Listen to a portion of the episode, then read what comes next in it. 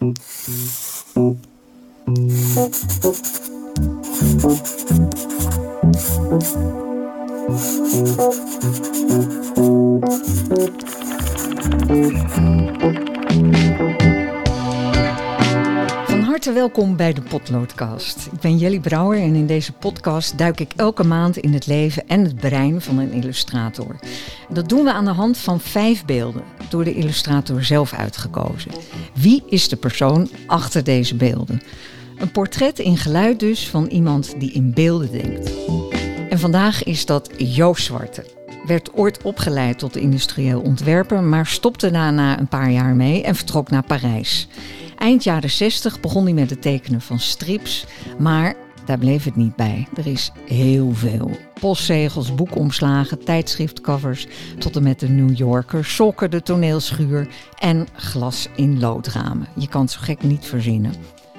Hij is ondertussen ook de ambassadeur van de Illustratie Ambassade. En jullie kennen misschien wel zijn rubriek Blurp, waarin Joost Zwarte voor beelden kiest die hem getroffen hebben en waar hij dan over schrijft voor de site van de Illustratie Ambassade. We luisteren naar een gesprek met Joost Zwarte.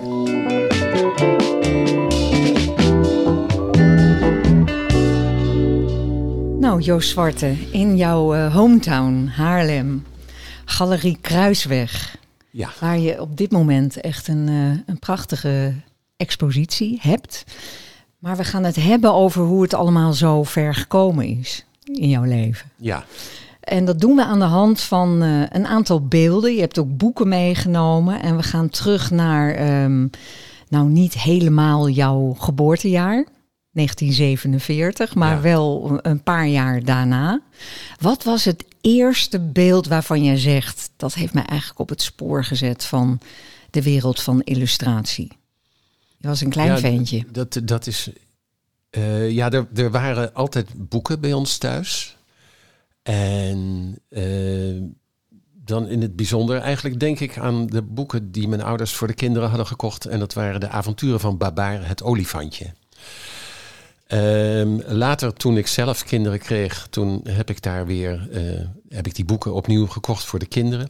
Ze waren er niet ze meer? toen, ja, ik weet niet waar ze waren. Die waren met, eh, we hadden bij ons thuis voor, was een gezin met vier kinderen. Ik was het tweede kind.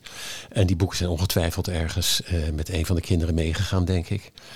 En als, ik je, als, die, als je die verhalen dan voorleest aan je kinderen, dan denk je, oh, wat is dat toch vreselijk goed. Ik kan me herinneren dat ik als kind heel erg onder de indruk was van een tekening. Kijk, Babar is een olifantje. Mhm. Die woont in, in het oerwoud. En dan komt er een jager. Het is net Bambi hoor. en dan komt er een jager en die schiet die moeder dood. En dan zie je dat olifantje huilend op die moeder klimmen. Maar dat heeft geen nut. Uiteindelijk vlucht hij maar. En liefst zo hard mogelijk en zo ver mogelijk weg. En dan komt hij aan de rand van een stad. En kijkt verbaasd naar al die huizen en dingen. En, dan staat er een, een oude dame. En die vangt hem op. Want die denkt, dat olifantje, dat hoort hier vast niet thuis. Ik, eh, ik zal me ontfermen over dat beestje. Die gaat, eh, het beestje mag mee naar huis. Olifantje mag bij haar wonen. En ze gaat met het olifantje kleren kopen eerst. Dat hij er fatsoenlijk uitziet. en dan eh, gaat ze naar een fotograaf een portret laten maken van het olifantje. En die tekening waarbij je... eh, de fotograaf ziet die een foto maakt van een olifantje wat in een stoel zit. Eh, daarnaast staat ook een tekening met een andere techniek. Eh, dus de tekeningen zelf, zeg maar door het hele avontuur heen, dat zijn eenvoudige tekeningen met contouren en met ingewassen kleurtjes. Maar die tekening daarnaast is met een potloodje een beetje grisaille gemaakt. En dat moet dan een fotootje voorstellen wat die fotograaf heeft gemaakt. En dat je daarvoor dan een andere techniek eh, Hanteert. kiest. En, en dat dat echt een fotootje wordt binnen dat boek. Die tekening komt helemaal naar boven als foto. En dat vond ik zo'n vondst. Als kind, ik was helemaal gefascineerd daardoor. Oh, dat vond je als kind al een fonds. Ik, vond, ik, ik dit was helemaal gefascineerd. je toch nee, ik was gefascineerd door dat idee. Dat, er, dat je een fotootje op een andere manier tekent dan de rest van het avontuur.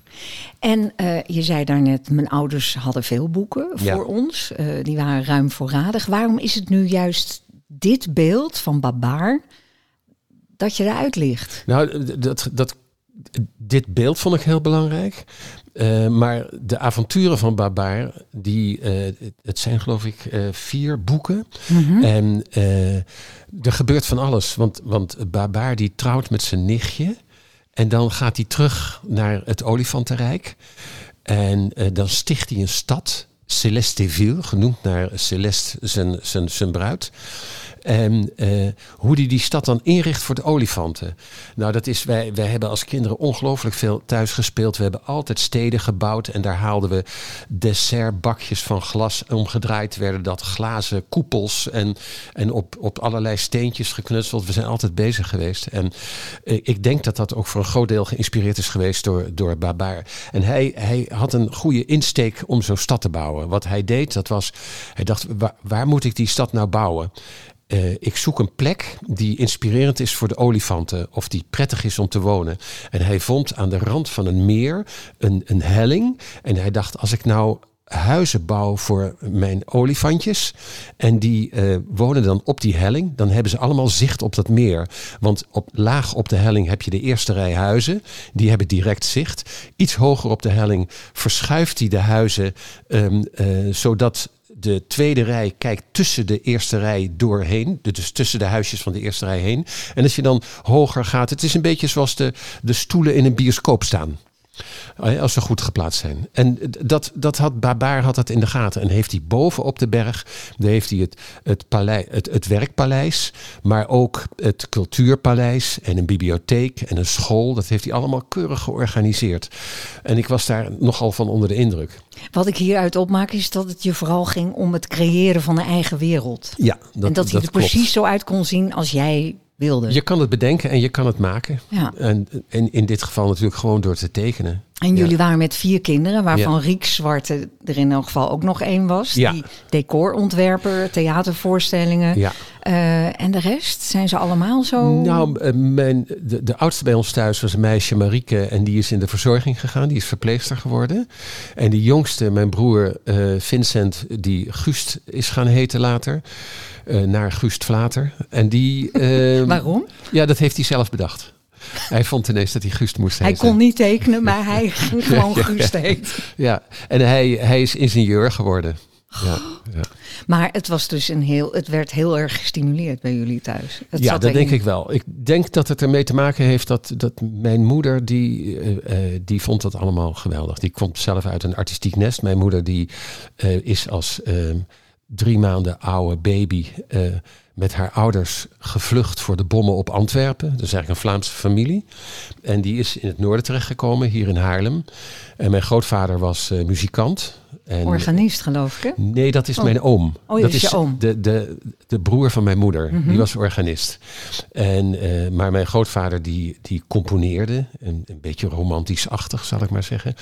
En uh, dirigeerde een koor. En schreef muziekrecensies voor het Haarlems Dagblad. En uh, die was ook altijd vol van waar hij mee bezig was. En uh, dus mijn moeder komt uit dat nest. Mm -hmm. En uh, ja, dan is dat eigenlijk vanzelf een beetje doorgegaan. Ja, het werd gestimuleerd. Ja. Ja, ze waren er blij mee. Ja. Babaar, een olifant. Ja. nu spelen dieren in jouw werk een belangrijke rol. Heeft dat iets met Babaar te maken? Dat zou kunnen, maar het is natuurlijk zo dat dieren hebben een groot voordeel. En dat is dat uh, als een dier een hoofdrol heeft in een verhaal, dan uh, kan iedere lezer kan zich daar makkelijker in verplaatsen. Want als je mensen tekent als hoofdpersonages, dan denk je dat is een ander. Het verhaal gaat over dat personage, het gaat niet over mij. Misschien kan je er wel iets in vinden verder, maar het is eigenlijk de truc van de fabel. Dus dat je probeert menselijke eigenschappen, die, die ken je toe aan dieren. En dan ben je toch als lezer eerder geneigd om te denken, uh, zou het over mij gaan? Echt, dat is toch een rare, rare gedachte eigenlijk. Dat je eerder in een muis kan uh, verplaatsen dan in ja. een vrouw met een jurk. Nee, dat vind ik geen. Dat vind ik wel eigenlijk heel logisch. Ja? ja. Wa waarom is dat logisch? Nou, omdat je, omdat, uh, het, je, je weet dat een dier geen mens is. Uh, maar het, het gaat, dat verhaal gaat dan over menselijke eigenschappen. Maar de figuur die je ziet, dat, uh, uh, dat is niet een ander. dan gaat het echt over de karaktereigenschappen van de verschillende dieren. En dus dan lees je een verhaal over karaktereigenschappen. En je leest niet het verhaal van andere mensen. Even terug naar Babaar. Moeder wordt doodgemaakt, net als bij Bambi. Ja. En uh, je zei net, ja, en Babaar gaat dan toch weg, want heeft geen zin om bij, bij de dode moeder. Nou, hij, hij vlucht voor de, voor de jager. Hij is dus doodsbenauwd dat hem dat ook zal overkomen. En hij heeft voldoende levenslust om te denken, uh, wegwezen en uh, red het lijf. Wat vind je ervan dat Babaar dan mensenkleren aankrijgt, dus eigenlijk de vorm van een mens aanneemt? Ja, het is misschien een beetje een ouderwetse gedachte of een ouderwetse manier van denken dat uh, zoals het in de stad gebeurt en zoals de mens zich ontwikkeld heeft, uh, dat, is het, dat is het hogere goed. Kolonisatie. Heet ja, dat, is het een beetje. Ja, ja, ja. Ja, nee, dat is het. En dan, dan dat, dat hij dan leert vanuit de westerse wereld hoe het leven kan zijn en dat hij dat dan wil, wil planten in zijn eigen dierenrijk. Ja. He, dus dat, dat is een soort. Uh, Met de ogen van nu kijken we er toch net weer iets anders Kijken we daar anders tegenaan. Ja. ja, ja. Maar nog één keer wil ik toch weten van al die boeken die er waren, dat het babaar is. Dat heeft met de tekening te maken ook. Ja, ook, maar ook heel erg veel met de manier waarop, uh, waarop uh, Jean de Brunhoff, dat is de schrijver, waarop hij dat allemaal verbeeld heeft. Hij heeft die verhalen getekend voor zijn kinderen. En eigenlijk in een vrij schetsmatige vorm. En pas later kwam het idee om dat in boeken te gieten. Want hij was beeldend kunstenaar. En uh, hij kwam van een welgestelde familie. dus zij konden normaal leven, ook al was hij geen succesvolle beeldende kunstenaar. En maar die verhalen waren zo uh, uit het hart gegrepen, zal ik maar zeggen. Want het is ook nog een tekeningetje die veel indruk heeft gemaakt. Ook uit het eerste avontuur van Babar. Dat als hij bij die oude dame is, dat hij toch heel vaak nog moet denken aan zijn moeder. En aan het leven in het dierenrijk. En dan zie je een tekeningetje, dan staat hij in het raam en dan leunt hij opzij. En zijn ogen zijn eigenlijk door zijn tranen helemaal vertroebeld. Hij, hij heeft geen uitzicht. Hij heeft alleen maar die, die herinnering en het verdriet van dat hij zijn moeder kwijt is en dat hij dat dierenrijk mist. En zo staat hij een beetje praktiserend zo in dat raam. Nou, dat, dat maakt zo'n indruk. Ik vind dat wel waanzinnig. Ik kijk nu in de ogen van een man van 74. Dit zijn de beelden van toen je een jaar of zes was ja, of zo. Ja. Het is toch ongelooflijk hoe dat nog helemaal in jou zit. Ja. Hoe je het ook zo op kan roepen. Toch? Ja, dat komt door eh, Jean de Brunhoff, zullen we maar zeggen. ja. Ja, Wat kan je ook terug naar dat jongetje van zes? Um, um, dat vind ik ook wel weer moeilijk. En je, je weet nooit echt als je teruggaat of je wel of, of je geheugen je niet belazert. Je kan het reconstrueren nu en proberen daar iets van terug te vinden. Maar je weet nooit of het helemaal echt is. Ja. Maar ik was wel een kind, wat, dat, dat, dat kan ik me wel zo ongeveer herinneren. Een kind was, wat altijd aan het spelen was. En uh, scholen, dat ging met mij nooit zo heel erg goed. Dus ik was. Uh, uh, Um, op de lagere school kreeg je dan een test wat nou een vervolgopleiding zou kunnen zijn. En daar bleek uit dat een middelbare school, een HBS heette dat toen, mm -hmm. dat zou voor mij wel een goede op, opleiding zijn. Nou, dus ik uh, toelatingsexamen doen voor die HBS. En daar zakte ik voor. En, maar nog eens een test doen. Nee, maar het is toch echt waar. Dat zou toch moeten kunnen. Want je ouders wisten dat er wel meer in zat. Ja, misschien wel. En, en nou, er kwam natuurlijk een psycholoog aan te passen hè, die dat allemaal moest testen. Oh, toen al? Ja, ja. ja. En, en um, er werd echt werk van gemaakt. Er werd serieus van Joost Zwarte. Ja, er werd serieus werk van gemaakt. Ja. En toen ja, ja, werd je op een gegeven moment nou, grafisch vormgeven. Nou ja, ik, ik, ben naar, naar, die middelbare school gegaan. En, en toen bleef ik bijna zitten in de eerste klas. Ik bleef zitten in de tweede klas. Toen bleef ik zitten in de derde klas. En toen bleef, bleef ik misschien voor de tweede keer zitten in de derde klas. Intussen waren er allemaal huiswerkklasjes waren er bezig. En mijn ouders hadden ook bedacht... volgens mij is het een artistiek kind. Die, die moet wat doen met dat tekenen. En die hadden via een een, een vriend. Uh, uh, waren ze erachter gekomen dat een beeldend kunstenaar hier in de stad, dat hij op woensdagmiddagen uh, had hij een groepje jonge kunstenaars of jonge, jonge mensen die graag wilden tekenen in zijn atelier. En die zaten daar allemaal stilleventjes te maken. En dus ik werd daar naartoe gestuurd en ik vond het meesterlijk. Ik zat daar gewoon op een woensdagmiddag en dan zie je op ja, er was, was op allerlei tafels, daar stond ook allemaal rommel. Oude flessen en, uh, en, en, en rot fruit en al die troep. En dat, dat moest je dan zo goed mogelijk proberen uh, uit te beelden. Dus we maakten die keurige stillevens. En successievelijk werd dat wat wilder. Dus er gingen ineens letters dwars doorheen. En ik probeerde meer mijn persoonlijke interpretatie. Dus wat wildere kleuren. En een beetje cubistisch-achtig. Ik heb al die dingetjes eigenlijk daar uh, gewoon uitgeprobeerd. Maar wat een redding, deze ouders. Dat dit die was dit fantastisch. zagen. Ja, dat was Ja. heel goed. Ja. Want ze hadden net zo goed eh, wanhopig van dat jongetje moet zijn middelbare moet de HBS halen. Nee hoor, dus ze waren niet zo, niet zo dwingend op die manier. En, en het, het, het lollige was dat toen ik eh, in die... Ja, als je vroeger in de HBS, als je de overgang had gehaald van het derde jaar naar het vierde, Mhm. dus van de onderbouw naar de bovenbouw, dan kon je een HBO-opleiding daarmee doen. En dat zou dan misschien een academie kunnen worden. Maar mijn ouders die hadden een beroepengids uit de bibliotheek gehaald en die aan mij gegeven. Kijk daar eens in, jongen. Dus ik, ik keek daarin. Ik dacht, oh mijn god, moet ik dat helemaal doorlezen? Dit is niks voor mij. Dus ik ging weer spelen en ik liet dat ding liggen. Toen heeft mijn vader, die heeft die, die gids op de salontafel opengelegd op de bladzijde van de Academie Industriële Vormgeving. En toen kwam ik daar bij hem en toen, toen zei hij, je moet eens kijken daar, volgens mij is dat wel wat voor jou. En ik las dat en daar, daar zat iets van techniek en iets van artisticiteit, eh, zat er in die opleiding. Dus ik dacht, nou, ja, waarom niet? Dan is dat Dus het. dan is dat het. Dus ik, ehm, ik ben daar eh toelatingsexamen gaan doen en ik werd aangenomen. En toen mocht ik naar de academie. Voordat we daar zijn, eerst naar andere beelden. Want Ja. hoe duidelijk je was in Babaar als kinderboek.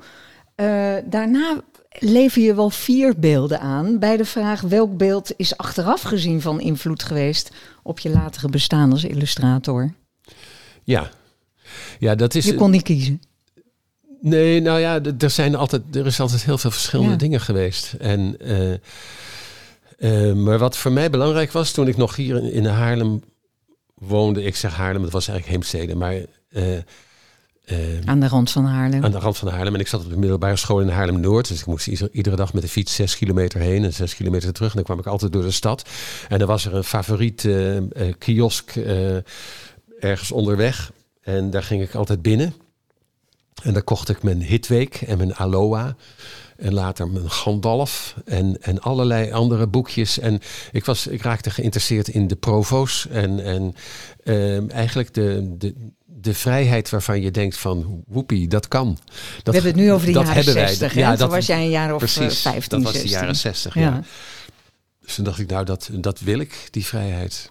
Dus... eh, Maar wacht even, dat wil En- ik, die vrijheid. Nou ja, ik, ik zag dus bijvoorbeeld in die, in die blaadjes zo de eerste tekeningen van, van Willem en ook van, van Robert Crump.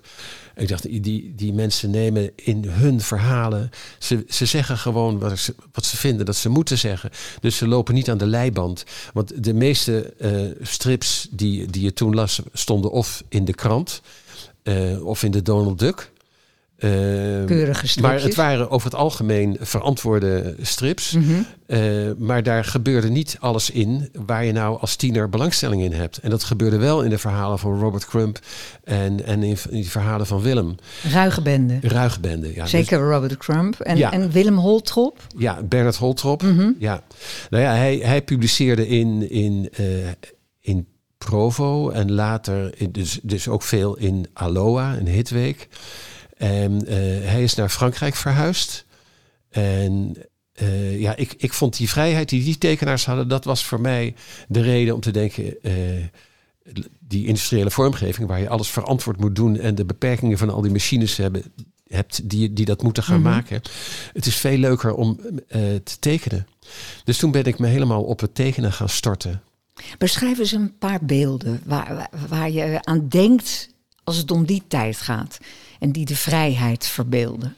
Eh, ik denk dat de, de, eh, de politieke keuzes die, die er toen waren onder, eh, onder jonge mensen, zoals dat in, in Aloha en in, in Hitweek stond.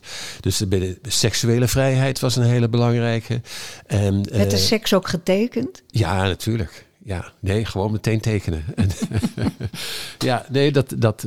En dat vond ik super. Maar ook de politieke opvatting. Het was ook de tijd dat de Vietnamoorlog heel erg uh, actueel was. En dat er natuurlijk door, door de jonge generaties getwijfeld werd aan, aan de alleen maar goede kant van de Amerikanen. De, onze ouders die waren natuurlijk uh, de oorlog of laat ik zeggen, de bezetting van Nazi-Duitsland uh, was beëindigd.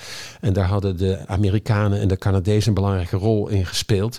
Dus die waren nog vol van die dingen. Terwijl wij ook zagen dat er in Vietnam een oorlog gevoerd werd die eigenlijk niet kon, naar ons mm -hmm. idee. En uh, daar heeft uh, tekenaar Willem een fantastisch boek over gemaakt, Billy the Kid. En je ziet in zijn stijl van tekenen dat hij nog erg beïnvloed is door bijvoorbeeld Saul Steinberg. Dus dat, dat vind ik daarin terug. Uh, ook duidelijk op de academie geschoold. En later is hij veel, veel persoonlijker en eigenlijk uh, stijlozer geworden. En wat, wat een voordeel voor hem is, hij, hij kan makkelijk en snel werken. En uh, is toen gaan, veel gaan tekenen in, in Charlie Hebdo. Ik geloof niet dat het toen nog, het bestond toen wel, maar het was toen een maandblad. Later is dat anders geworden. Maar dat was toen net door een van die tekenaars van, eh, van, eh, van Charlie. Dat was uh, Georges Wolinski. Mm -hmm. En uh, die was in, in Frankrijk ook heel beroemd. Die maakte ook heel veel scabreuze tekeningen. En die was hoofdredacteur geworden van Charlie Mensuel. Dat was een stripblad voor een volwassen publiek. Waarin zowel eigentijdse strips werden gepubliceerd. als ook de grote klassiekers zoals Crazy Cat en The Peanuts. En uh, Willem heeft mij geïntroduceerd met mijn stripverhalen bij uh, Charlie Mansuel. En toen werd uh, Wolanski werd mijn hoofdredacteur. Ik heb uh, jarenlang strips dan gepubliceerd in Charlie Mansuel. Maar dan zijn we al heel veel stappen verder. Dat nou, dat, dat valt eigenlijk van mee. Want zat een, een paar jaar. zoveel tijd tussen? Nee, want ik ben, zeg maar, toen ik mijn eerste tijdschriftje begon, Modern Papier. Dat was in 1970. En en ik praat nu over 1973 of 74. Ik denk 73 dat ik mijn eerste werk publiceerde in Frankrijk in Charlie Dat is dus heel snel gegaan. Dat is allemaal best je was snel dus 23 toen je je eigen tijdschrift begon, Modern ja, Papier. Ja, ja, je, dat raad ik iedere jonge tekenaar aan. Begin je eigen tijdschrift. ja. Want het lollige is dat je dan ook als redacteur leert te kijken. Dus je, je begrijpt ook dat er een lezerspubliek is. En je bent niet alleen maar je eigen, nou, je, je, je eigen gal aan het uitkotsen. Maar je, je begrijpt dat er ook lezers zijn. Maar even, want het gaat toch iets te snel ja. voor mij in elk geval. Jij uh, ontdekte, uh, nou ja, wat je net beschreef, uh, Willem, Robert Crump. Je ja. ging daar langs de kiosk. Uh, waar je die tijdschriften kocht. Ja. Had je geld om ze te kopen? Nou, al het zakgeld ging er aan op. Dat ging daar ja, op. Ja, ja. En wat vonden je ouders van die afslag die je nam? Wat, was daar nog iets van een generatiekloof? Of? Nou, dat, kijk, ik denk dat, ik, dat onze jeugd wel enigszins beschermd was. Uh, maar uh, op een hele vriendelijke manier. Hm. Nee, ze, uh, ze hoefde wat mij betreft niet per se mee te gaan met wat ik vond. Maar uh, ik had wel gesprekken met mijn vader over politiek. En uh, mijn vader is vrij jong overleden. Toen was ik 21. En, uh, maar dat ging eigenlijk toch wel redelijk, redelijk soepel. Mijn ouders hielden van hun kinderen, denk hm. ik. En wat voor tekeningen heeft hij, hoe heeft hij jou nog als tekenaar gezien? Um, ik denk dat hij de, de nou, dat, dat zat eigenlijk zo. Ik zat op de academie en uh, op een goed moment kwam ik thuis. En Welke ik was, academie zat je? Academie, uh, wat toen heette het industriële vormgeving, mm -hmm. nu heet het Design Academy. Mm -hmm. En uh, na drie jaar besloot ik om de academie te verlaten. En ik kwam thuis om dat te vertellen. Ik woonde op kamers in, uh, in, in Eindhoven. En ik kwam thuis en ik zeg, ik stop ermee. En uh, toen, zei mijn vader, nou, uh, hoe ga je dat dan doen verder allemaal? Ik zei, nou ja, dat weet ik nog niet. Maar ik, ik begin met tekenen met van stripverhalen. En daar, daar ga ik me helemaal op storten. Dat moet het worden. En toen zei hij, ja, ik, het is zo dat ik zou jou, ik betaal jou per maand 350 gulden, zodat je de huur van je kamer kan betalen en ook nog wat eten kan kopen. En zegt, als je door was gegaan op die academie, dan had ik dat laatste jaar uh, op die manier nog voor je gefinancierd. Ik besluit nu om dat ook te doen als jij je ontwikkelt als tekenaar. Maar dan moet je na één jaar wel zorgen dat je voor jezelf kan zorgen. Dus ik kreeg als het ware de gelegenheid om het te ontwikkelen als tekenaar. En dat, dat vind ik nog steeds een Bijzonder. meesterlijke zet van mijn vader. Ja. En eh, wat was voor jou de reden dat je besloot, ik ga mij echt alleen maar op tekenen richten en niet meer op industrieel ontwerpen? Nou, dat had ermee te maken dat je, eh, eh, dat, dat je eh, binnen het tekenen, ik had geleerd van Willem en van Robert Crump dat je precies kan doen wat je zelf wil. Dus dat je je eigen ei kwijt kan. En dat was voor mij heel erg belangrijk. Terwijl bij industriële vormgeving eh, ging het toch meer over, kan iets goed geproduceerd worden? Eh, kan een, kan een kan een, een ondernemer daar geld mee verdienen? En allemaal van dat soort zaken. En dat waren eigenlijk voor mij langzamerhand randverschijnselen geworden. Dus ik vond dat tekenen veel interessanter. Keurig ook hoe je dit intoneert. Dat was precies de ergernis die je had. Ja. Je wilde Ja. gewoon alle vrijheid. Ja. Modern papier, is dat precies het moment dat je daarmee begon dan? Nou, iets eerder, want er was in. eh, ik, had, ik had ook wel contact gezocht met, met Aloha. En daar had ik af en toe wel eens een tekening in gehad. Er was een, een, een tijdschrift, een underground blad in Eindhoven van Paul de Nooier. Een, een beeldend kunstenaar uit, uit de stad. En eh, eh, daar heb ik ook mijn eerste in, eh, in gepubliceerd. En ehm, toen ontstond er in diezelfde periode een, vanuit de kunststichting in Eindhoven eh, was er een blad, een soort CJP-blad om de jongeren en de studenten om die te interesseren voor de cultuur. En eh, daar werd ik vaste tekenaar van. Ik had altijd op de achterkant van het blad mijn stripverhaaltje staan. Modern papier heb je eruit gelicht. Ja, Beschrijf het eens. dat is, een, dat is het blad wat ik zelf begonnen ben. In Omdat ik 1970. In 1970, ik, ik tekende meer pagina's dan ik kwijt kon in publicaties. Dus ik had dat uit de kunst als een publicatiemogelijkheid. En eh, voor de rest waren de mogelijkheden nog niet zo groot. Ik dacht, nou, ik, ik moet, ik moet een, ik- het moet in een blad, blad gepubliceerd worden. En als bladen mij niet vragen, dan maak ik gewoon zelf een blad. En eh, ik vroeg dan andere tekenaars die... Voortvarend type eigenlijk wel. Ja, hè? dat moest gebeuren. Ja, ja. Dus ik vroeg meteen andere tekenaars van, zou jullie in mijn blad willen publiceren? En zo werd ik redacteur van dat blad. En eh, ben ook tekenaars in het buitenland gaan aanschrijven. En dan, dan zei ik tegen zo'n buitenlands blaadje... eh, Er werd natuurlijk in Frankrijk en in, in, in andere landen ook eh, vergelijkbare blaadjes eh, uitgegeven. En eh, dan stuurde ik mijn moderne papier op. En dan zeg ik, eh, mag ik jullie voorstellen om een ruilabonnement eh, te regelen? Dan stuur ik jullie altijd mijn blaadje op. En dan sturen jullie jouw blaadje op, eh, jullie blaadje op. En dan, als ik daar dan iets in zag in dat blaadje, van ik zeg, nou, dat zou heel erg goed in het Nederlands gepubliceerd kunnen worden. Dan vroeg ik aan ze of ik dat mocht overnemen. En, en dan kon ik dan iets voor betalen. Het was allemaal peanuts, maar toch wel iets voor teruggeven. Moest dat vertaald en geletterd worden. En dan eh, verscheen dat in, eh, in modern papier. Hoe kwam je aan die titel? Ik, eh, ik dacht, het moet een beetje. Dat woord modern, dat was iets wat niet meer en vogue was in die tijd. Modern hoort, wat mij betreft, erg bij de jaren 50 en bij het Atomium in Brussel.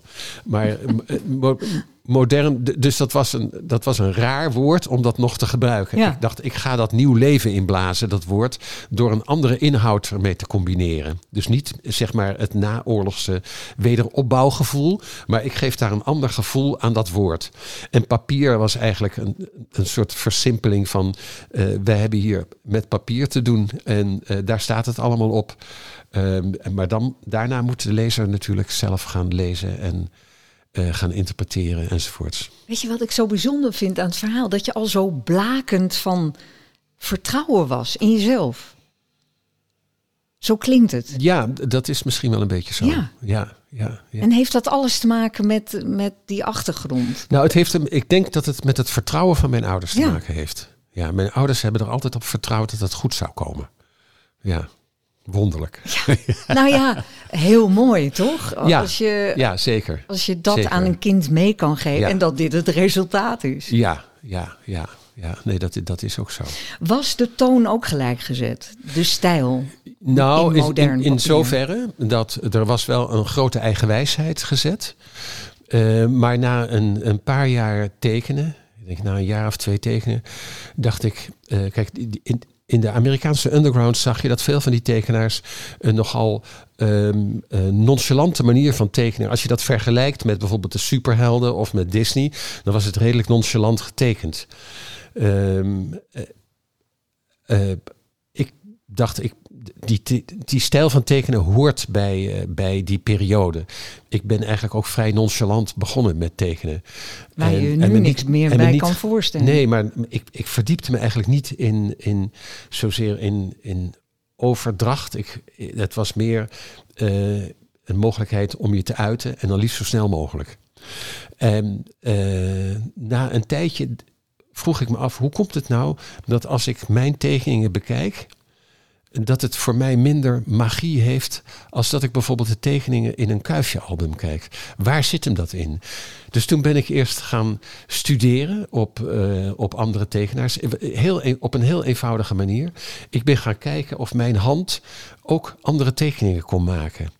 Uh, dus dat heeft met motoriek te maken. Dat wilde ik eerst weten of die motoriek in orde was. En hoe deed je dat dan? Nou, door over te, over te trekken. Dus er waren bijvoorbeeld tekeningen van bijvoorbeeld een, een tekenaar die ik erg bewonderde. Die heet Karandash.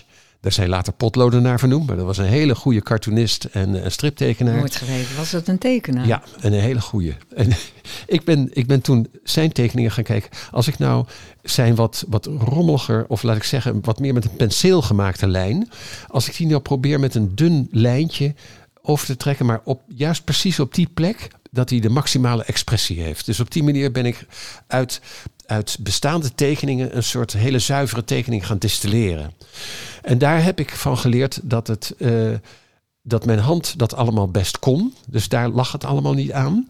Maar ik kwam er dan ook wel achter dat eigenlijk de kwaliteit die zit in die kuifje-albums, dat die niet zozeer met de stijl van tekenen te maken heeft, maar veel meer te maken heeft met de, de uitsneden van een beeld. Uh, met de sequenties die je wel of niet opneemt. Met dat je een cliffhanger aan het einde van de pagina hebt, waardoor de pagina wordt omgeslagen. Er zijn nogal wat filmische uh, aspecten die in dat tekenen zitten, waardoor je je echt aangetrokken voelt door die, door die wereld. Kwam natuurlijk nog bij dat je, dat je als kind vanwege die kuifje-albums de hele wereld overreist. En het was in een tijd dat er nog geen internet was en je ook niet zo regelmatig naar de bioscoop ging. Uh, was dat toch een fantastische belevenis iedere keer. En daarom heb je de Zwarte Lotus ook aangeleefd als beeld. Uh, de blauwe lotus. Uh, sorry. nou val ik heel erg door de man. De blauwe nee, lotus. Nee, de, de, blauwe lotus, dat was, dat was het lollige. Kijk, Hergé was een tekenaar die um, in de loop van zijn leven zich nogal ontwikkeld heeft. Hij werkte voor een katholieke krant. En daar was een pater als hoofdredacteur. En die stuurde nogal de mening van de medewerkers. Het was toch een beetje een katholieke propagandablad. En uh, toen heeft uh, uh, Hergé, die maakte daarin een avontuur van Kuifje in Afrika. He, nogal een stereotyp gemaakt mm -hmm. verhaal. En Kuifje in Amerika had je gehad. En uh, toen kwam er op een zeker moment, toen werd er aangekondigd dat Kuifje de volgende reis naar China zou maken. En toen kwam er een brief binnen, uh, ook van een katholiek, ik dacht van een katholieke uh, pater die, uh, die had gewerkt in China. Het zal wel een missionaris geweest zijn. Natuurlijk. En die zei, uh, China is toch meer dan alleen maar de stereotypen van de, van de ingebonden vrouwenvoetjes. Het zou goed zijn als je je wat meer informeert over die cultuur voordat je daarover gaat tekenen. En Hergé die heeft dat serieus genomen. Die heeft die man teruggeschreven en zegt, ken je misschien iemand of zouden wij daarover kunnen praten? En toen zei die, die, die man, die zei nou, ik ken een jonge uh, student beeldende kunsten en die woont in Brussel. En Chang heet hij. En die uh, uh, die kan jou waarschijnlijk alles vertellen. Want die studeert nu, maar die komt uit China. En uh, toen heeft Hergé daar contact mee gezocht. Dat is een uh, levenslange vriendschap geworden. En daardoor is dat boek zo ongelooflijk, laat het zoveel zien van het leven in China. Dus dat was destijds met de zones bezet door de Japanners. En dankzij al Chiang. die kwesties, dan, dankzij Chiang, die heeft Hergé daar helemaal opgezet. Vanaf dat moment is Hergé zich veel meer gaan verdiepen in, in andere culturen. En het is niet in alle gevallen even goed gelukt, maar het in is dit toch. geval wel. In dit, geval, en daarom, dit is eigenlijk het, het sleutelalbum. Ja, en daarom Ja. kies je voor de blauwe lotus. Ja, ja, ja. Ehm, wat me net wel intrigeerde is wat je vertelt, Joost, over hoe je jezelf eigenlijk als tekenaar hebt ontdekt.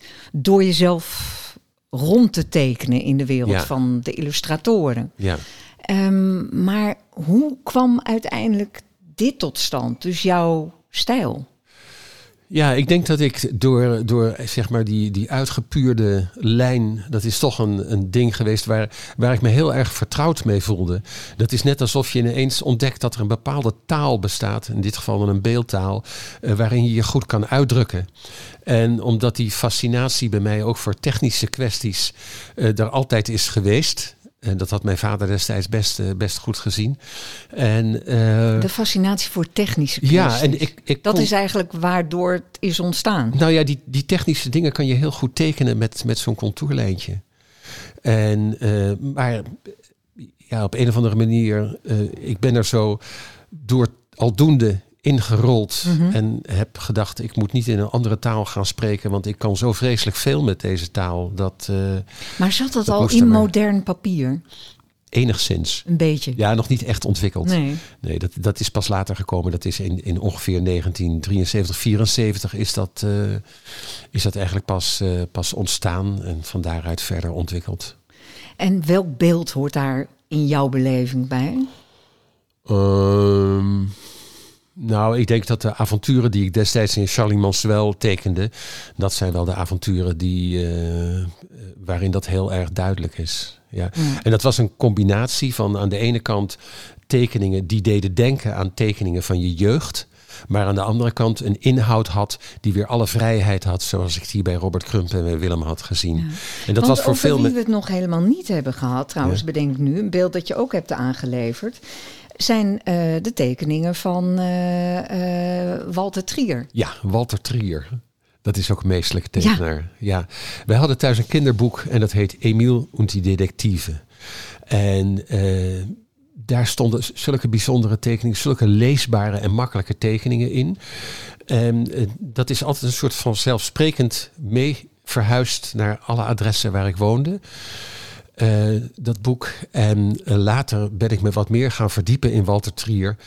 Uh, we hadden overigens thuis al meer titels van, van hem ook. Dubbele Lotje was een boek. En uh, Puntje en Anton was een boek. En De Vliegende Klas. Goeie titels. En, dat was allemaal Erich Kästner. Dat was eigenlijk de, de schrijver van al die kinderboeken.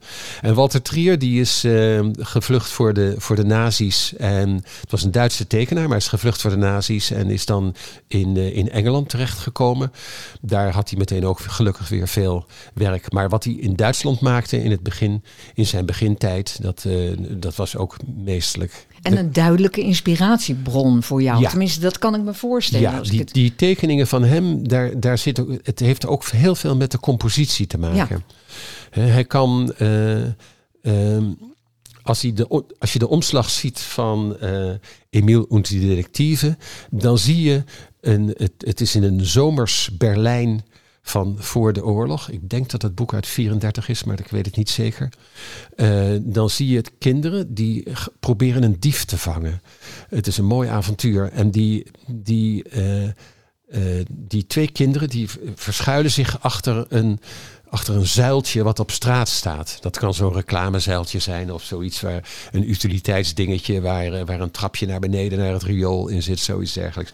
En zij bekijken die dief die daar verder loopt dat is ook een typische beeldende truc. Dat je iets geeft aan je lezer. Maar wat de mensen in dat beeld weten sommige dingen niet. Wij weten dat die kinderen die kijken naar die man die daar loopt. Maar ze staan dusdanig makkelijk naast die zuil om zich te verschuilen. Als die man omdraait, dan zijn zij weg. En dat, die hele spanning zit eigenlijk al in die ene tekening. En het is zo heel mooi leeg, hè? Wat ja, natuurlijk ook een toonbeeld is van, van, ja, van ja, jouw Het is knap dat je in dit geval eigenlijk de essentie van waar het om gaat, dat zijn die twee kinderen die achter die dief aan zitten. Die krijgen de, de alle aandacht. En het decor is eigenlijk op het tweede plan. En het is altijd wel heel verstandig om na te denken in een tekening van waar gaat het eigenlijk over? En moet ik eh, mijn lezers, of kan ik mijn lezers sturen dat ze het belangrijkste uit het verhaal als eerste pakken en daarna de tweede dingen? Of dat je dat als een soort, uh, ja, dat je dat uh, als een minder belangrijke informatie meeneemt. Of misschien dat je daarmee mee een sfeer neerzet. Dat kan allemaal. Iets vergelijkbaars zie je trouwens ook in de, in de animatiefilms van Tex Avery. En, en veel Amerikaanse uh, kort, korte animatiefilmpjes. Dat de hoofdpersonages die worden uh, met felle kleuren ingekleurd. En de decors die zijn allemaal wat rustiger. Zodat de aandacht eigenlijk primair naar de hoofdfiguren gaat. Want hoezeer ben je altijd bezig met degene die het beeld bekijkt? Altijd. Altijd? Ja, dat, dat Jij moet... maakt nooit iets waarvan je denkt, dit is voor mij een mooi beeld.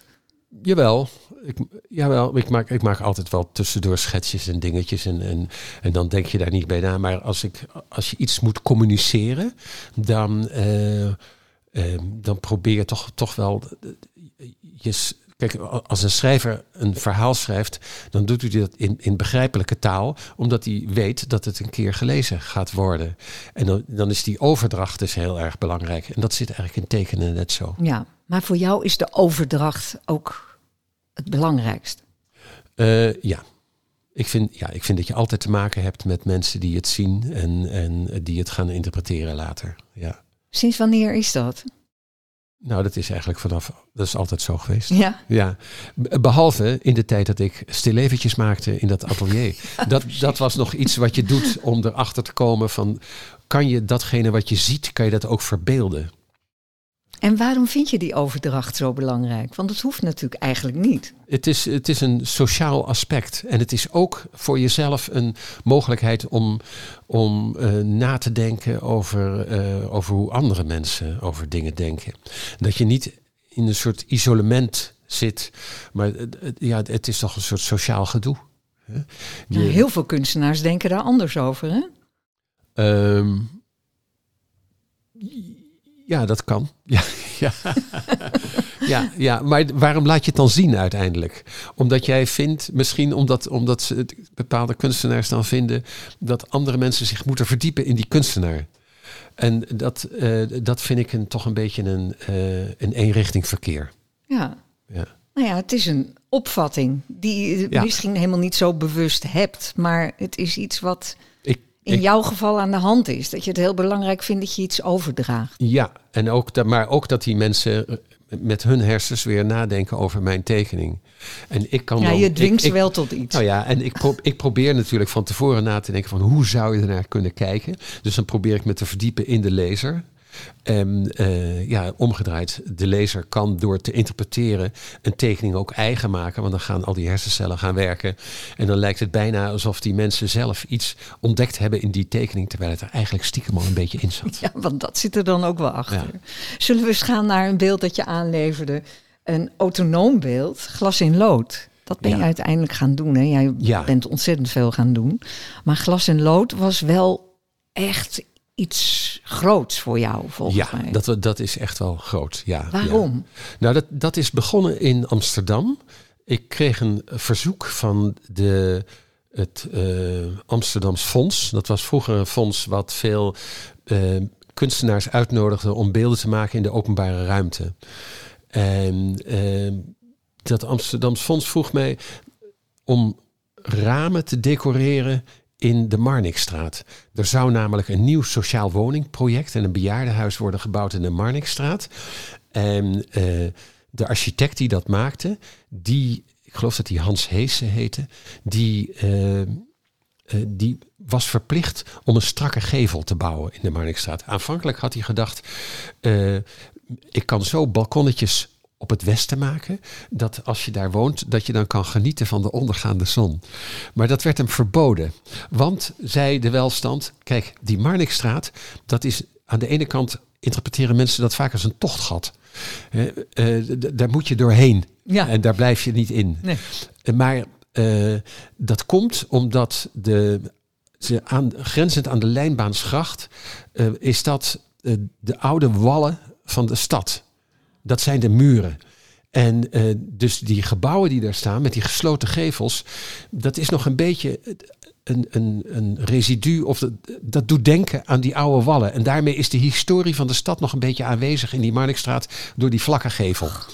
Nou ja, goed. Dus die architect heeft toen vlakke gevels gemaakt. Maar er was wel een, een regeling, een 1%-regeling heette mhm. dat geloof ik, dat er ook beeldende kunst kan worden gemaakt bij, uh, bij gebouwen. En dat was ook in dit geval zo. Maar ze zochten dus iemand die een plat beeld kon maken. nou, dan ben je Horend bij dat gebouw. Dus ze kwamen bij mij uit. en toen zeiden ze, er komen dus trappenhuizen. En we kunnen misschien iets met die ramen van die trappenhuizen doen. En uh, je zou tekeningen kunnen maken en die dan zeefdrukken op glas.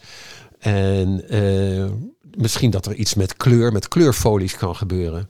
Ik las net in diezelfde tijd ook artikelen over het conserveren van beeldende kunst. Hoe problematisch het was dat die beeldende kunst, die pop-art kunstenaars ook slechte materialen en plastic gebruikten.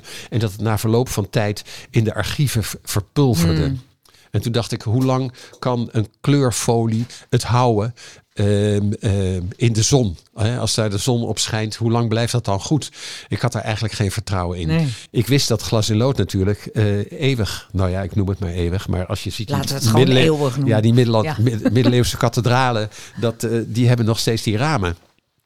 Dus toen dacht ik, ik, uh, ik ga me eens informeren over glas in lood. En kwam terecht bij een, bij een bedrijf in Tilburg dat dat maakte.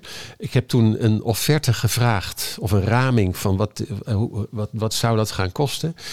En daarmee kwam ik bij mijn opdrachtgever. En ik zei, het kan ook glas in lood worden. Dat lijkt me eigenlijk heel logisch, want dat blijft heel erg lang goed. En ik had gezien ook bij, die glas in lood, bij dat glas in loodbedrijf dat zij konden ook glas in lood in sandwiches uh, leveren. Dus dan krijg je hard glas met doorvalbeveiliging, zoals dat heet, en met isolatie. En in die sandwich zit dan dat glas in loodraam. Dus dan mooi beschermd, kan je goed ramen lappen enzovoorts. dus uh, zij waren daar gevoelig voor en zeiden, dat is goed, maak maar. Dus toen kon ik ineens glas in lood, maar dat waren ik geloof iets van 34 ramen die dan ontworpen moesten worden. En daar had ik een plannetje voor bedacht. Uh, ik, ik, zocht naar een thema, iets bindends. Dat dat, dat, dat project uh, allemaal binnen één thema zou komen. En dan dacht ik, een raam. Wat is nou eigenlijk een raam? Als je binnen bent, dan is een raam. Dat is een, het kader van je uitzicht. En dan, dus dan zie je een stadsbeeld. En als je buiten bent en je kijkt s'avonds omdat binnen het licht brandt door een raam, dan zie je een interieur. En dus dat raam is eigenlijk de samenkomst van die twee. En toen ben ik uh, tekeningen gaan maken waar uh, elementen van het uitzicht en elementen van de inkijk gecombineerd werden. Dus ineens lag er een auto in een bed met een grote P van een parkeerplaats. En die las dan in zijn bed een boekje te lezen met zijn, met, met zijn koplampen zo. Dat waren dan zijn ogen. En zo kon ik allerlei dingen combineren. Dat is het thema geworden van dat project. En jouw eerste glas in lood project. En er zouden nog vele volgen. Ja. En het beeld uh, wat je hebt uitgekozen is, dat is inderdaad ook wel geweldig. Paleis van Justitie, Arnhem. Ja, in Arnhem. En um, daarvoor heb je allerlei rechters, als ik me goed herinner. Heb je die daar niet voor geïnterviewd? Ja, en, en, ja. Uh, ja, ja, kijk, dat... Uh, is dit het mooiste wat je hebt gemaakt op het gebied van glas en lood? Uh, kan je eigenlijk niet vragen. Vind ik moeilijk om ja. dat zo te zeggen. Maar waarom heb je deze uitgekozen? Maar, nou, dat komt omdat ik... Juist omdat die inhoudelijke kant, dat was zo, zo bijzonder. Ik... Uh, ik werd natuurlijk uitgenodigd om te komen praten met de kunstcommissie van het Paleis van Justitie. Uh, er waren wat fysieke kwesties die speelden. Dat wil zeggen, waar gaan we iets doen in dat gebouw? Het is een gebouw uit, uit de jaren, begin jaren 60, als ik het goed heb. En het, het, de eigenaar van het gebouw is de Rijksbouwmeester. Dus ik ging met de architect van de Rijksbouwmeester door het gebouw lopen en bespreken wat de plekken zouden kunnen zijn om iets te doen. Ik vond iets doen in een rechtszaal vind ik ingewikkeld omdat uh, ik, ik, maak figuratief werk. En eh, als je dat doet in een rechtszaal, dan vind ik dan leid je de mensen af van de rechtspraak. Daar moet je je eigenlijk kunnen concentreren op waar het voor jou om gaat. Het is best een gewichtige plek. In de kerk ook, toch? Huh? De kerk, dat ligt weer anders. Dat is een rommeltje.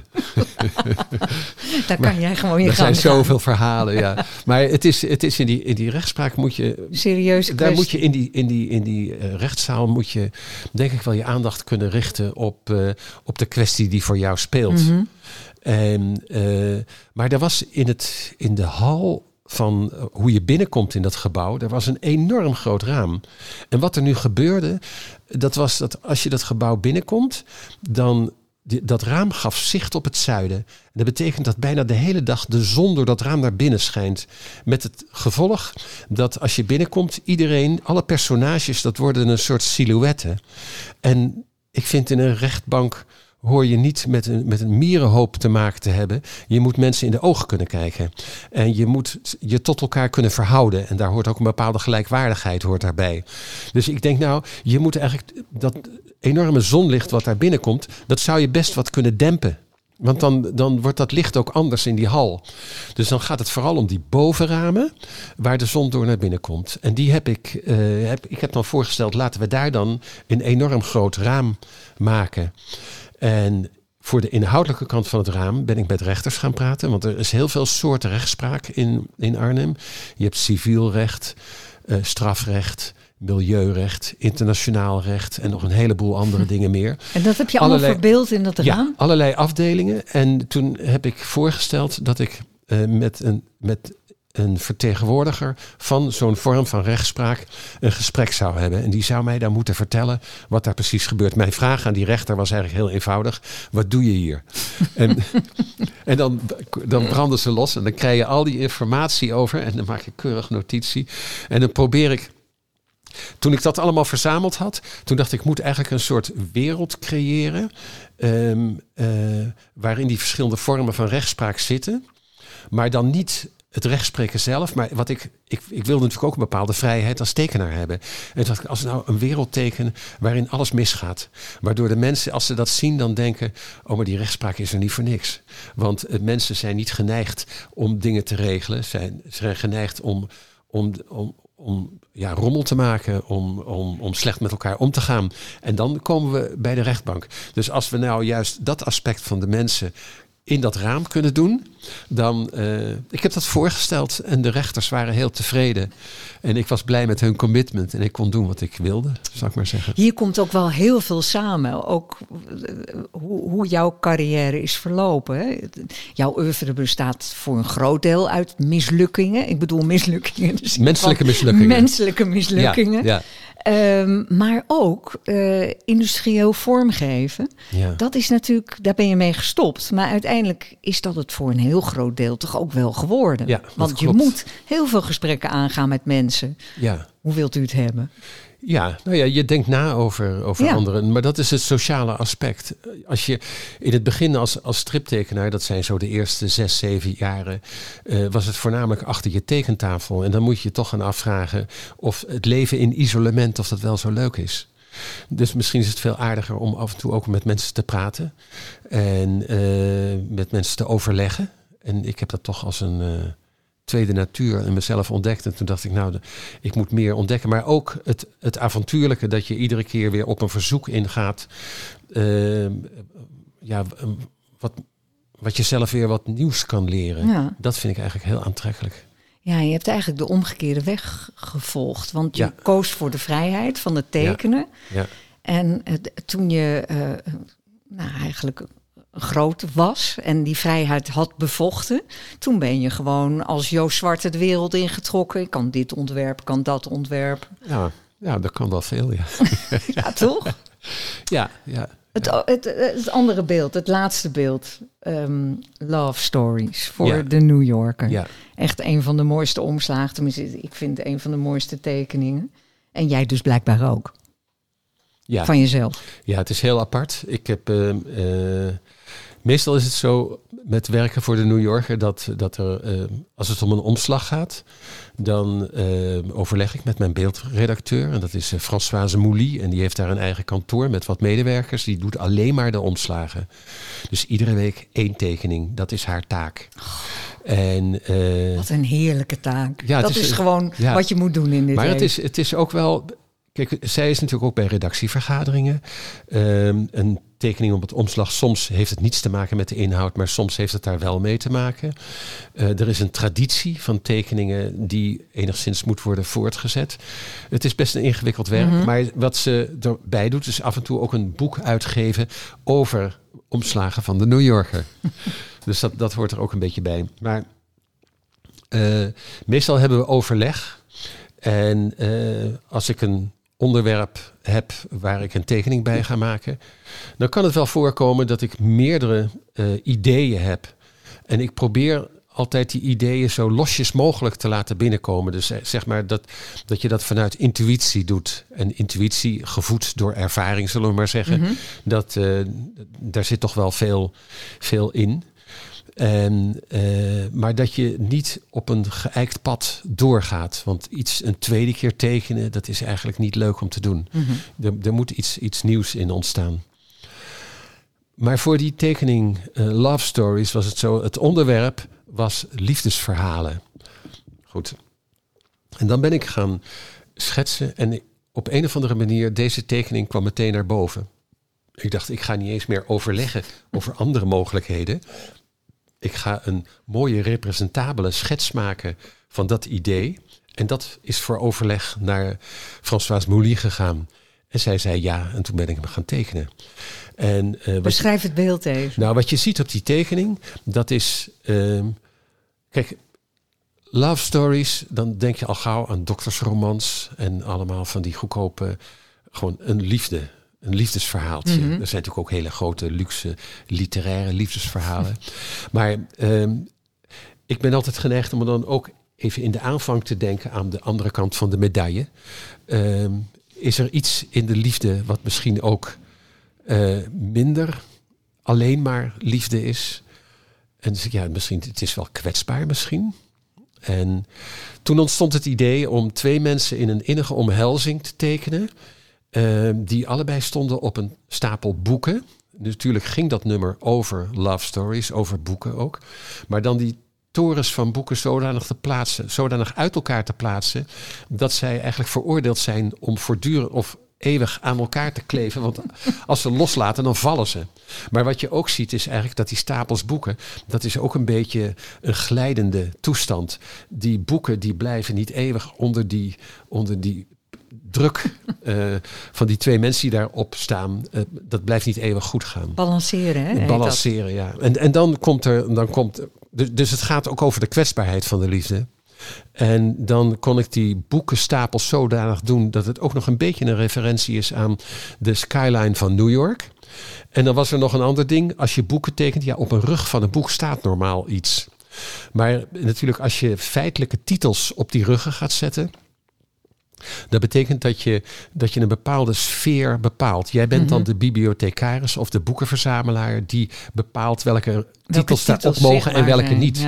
Mensen kunnen, ja, dan dacht ik, is het misschien beter om grafische titels erop te zetten. Dus allerlei, bijvoorbeeld, dan staat er een sleutel en een sleutelgat op. of er staat een kat die een muis achterna zit en dan vormt die muis met zijn staart nog net een klein hartje. En zo zijn er allemaal uh, kleine visuele pictogrammen die met liefde te maken hebben, die op die boekenruggen staan. Dat was nog best een puzzel, want ik denk dat er een stuk of vijftig of zoiets uh, getekend moesten worden. Maar ik heb er nog uh, ja, veel lol aan gehad. en is zo'n beeld er dan eigenlijk in één keer? Nou, het, het gekke was, dit, dit beeld was er eigenlijk meteen. Terwijl normaal gesproken dat ik veel langer zit te puzzelen en ook andere ideeën nog probeer te ontwikkelen om te kijken van was dat eerste idee wel het beste idee. Het kan ook best zijn dat je mhm. intuïtie je bedondert. Dus dan ga je toch nog wat andere dingen proberen. Um, en natuurlijk, cultuur in Amerika is niet per se hetzelfde als die in Europa. Dus als je meerdere ideeën kan presenteren, dat kan net aanhaken bij een actualiteit of iets dergelijks, waardoor een redacteur kan zeggen dat is voor ons nu op dit moment eigenlijk een, het beste van de drie ideeën. Hoe zo'n belangrijke rol speelt de intuïtie in jouw werk?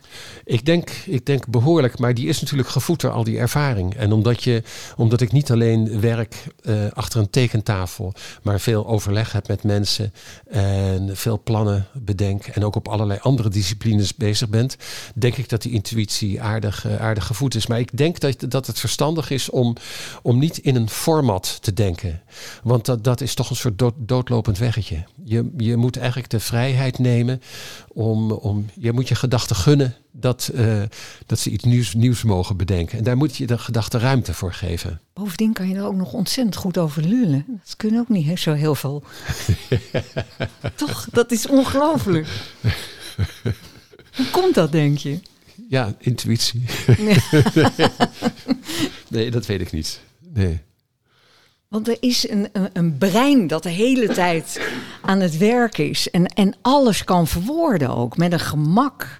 Waarvan ik denk, hoe is het mogelijk? Ja, ik, ik zie toch wel dat schrijven is toch wel een ander vak. Maar kletsen is natuurlijk... Ja, dat is geen dat, vak. Dat, dat is niet echt een vak, nee. nee. Geef gewoon je bek en down, zeggen ze in Den Haag. maar, maar, maar, maar, maar je kan het heel goed... Um, beschrijven. Want als ik dan dat, dat beeld voor de New Yorker, dat dat ja dat daar dan een zee aan verhalen ja. aan vastzit. Ja. Dat is toch ook wel waanzinnig dat je dat in één beeld kan laten zien. Ja. ja Verbaas je, je daar nou, zelf nog wel eens over? Dat, dat, wat daar... Langzamerhand niet meer. Nee. Langzamerhand niet meer. Maar je, Kijk, en dat, dat creatieve proces, dat is eigenlijk heel moeilijk om daar vat op te krijgen. En uh, zoals ik je net omschreef, voor die, voor die omslag Uh, ja, dat was toevallig een gouden greep. Dat is in één keer is dat goed gegaan. In veel andere omstandigheden worden er meer, meerdere schetsen gemaakt. Als ik bijvoorbeeld bij een, een, een, een stuk in het blad een, een tekening maak, dan, uh, ja, dan, dan ben je eigenlijk op zoek naar een, een haakje voor de lezer. Dus het is zo dat, dat de, lezers in dat blad, die kunnen aan de hand van die tekening uh, misschien een vraagstelling binnenkrijgen, waardoor voor hun aanleiding is om in dat artikel te duiken. En uh, daarvoor moet je natuurlijk wel goed begrip hebben van dat artikel. Mm -hmm. Dus ik krijg die artikelen altijd doorgestuurd. Ik lees ze. En uh, ik lees ze een paar keer. Ik lees ze de eerste keer om een algemene indruk te hebben. En uh, dan weet je eigenlijk waar het grosso modo over gaat. Dan ga je op zoek of je daar een beeld bij kan hebben. Mm -hmm. Dus dan, dan lees ik het nog een keer en dan zoek ik naar kwesties waarvan ik denk, zit daar ergens een, een decor of een beeld in? En dan probeer je met, uh, met bepaalde beelden die worden opgeroepen in dat artikel, probeer je dan toch een, een, ja, een, een algemene indruk van dat stuk te krijgen. Maar dat is het lang niet altijd. Het is ook vaak dat je uh, je persoonlijke mening uh, geeft. Dus je, je krijgt de inhoud. En dan ga je zelf als auteur die inhoud ga je opnieuw uh, vormgeven voor de lezer. Dus dan krijgt het niet altijd het geïllustreerde beeld, laat ik zeggen, het, uh, datgene wat je leest dan in beeld gebracht. Maar je krijgt een interpretatie van de tekst krijg je in beeld. Ja, en dat is natuurlijk wel het mooiste dat, wat we Natuurlijk, willen. dat is veel ja. leuker. Ja. ja, dat is veel leuker. Dankjewel Joost Zwarte. Alsjeblieft. Leuk je weer gesproken te hebben. Ja, ik ja, vond het ook heel erg leuk. verbaasd. Ja, ik, maar, we beginnen nog maar net. dat had je gedacht. Ja. We zijn geëindigd. Oké. Okay. Je hoorde Joost Zwarte. Op de site van de Illustratieambassade zijn de besproken beelden zoals altijd te bekijken en dus ook de illustratie die hij heeft achtergelaten in het grote potloodkast schetsboek. De Potloodcast is een initiatief van de Illustratieambassade, het platform voor illustratie, en wordt mogelijk gemaakt door steun van de Fiep Westendorp Foundation, Pictorite en het Stimuleringsfonds voor de Creatieve Industrie. Als je enthousiast bent, laat het weten in je podcast-app of vertel het door aan anderen. En als je wilt adverteren, dat kan ook. Stuur dan een mail naar informatie.illustratieambassade.nl. Presentatie Jelly Brouwer, redactie en samenstelling Marlies Visser, techniek Maarten Boers. Schrijf je in voor de nieuwsbrief of abonneer je op de podcast en we laten je weten wanneer er nieuwe afleveringen zijn.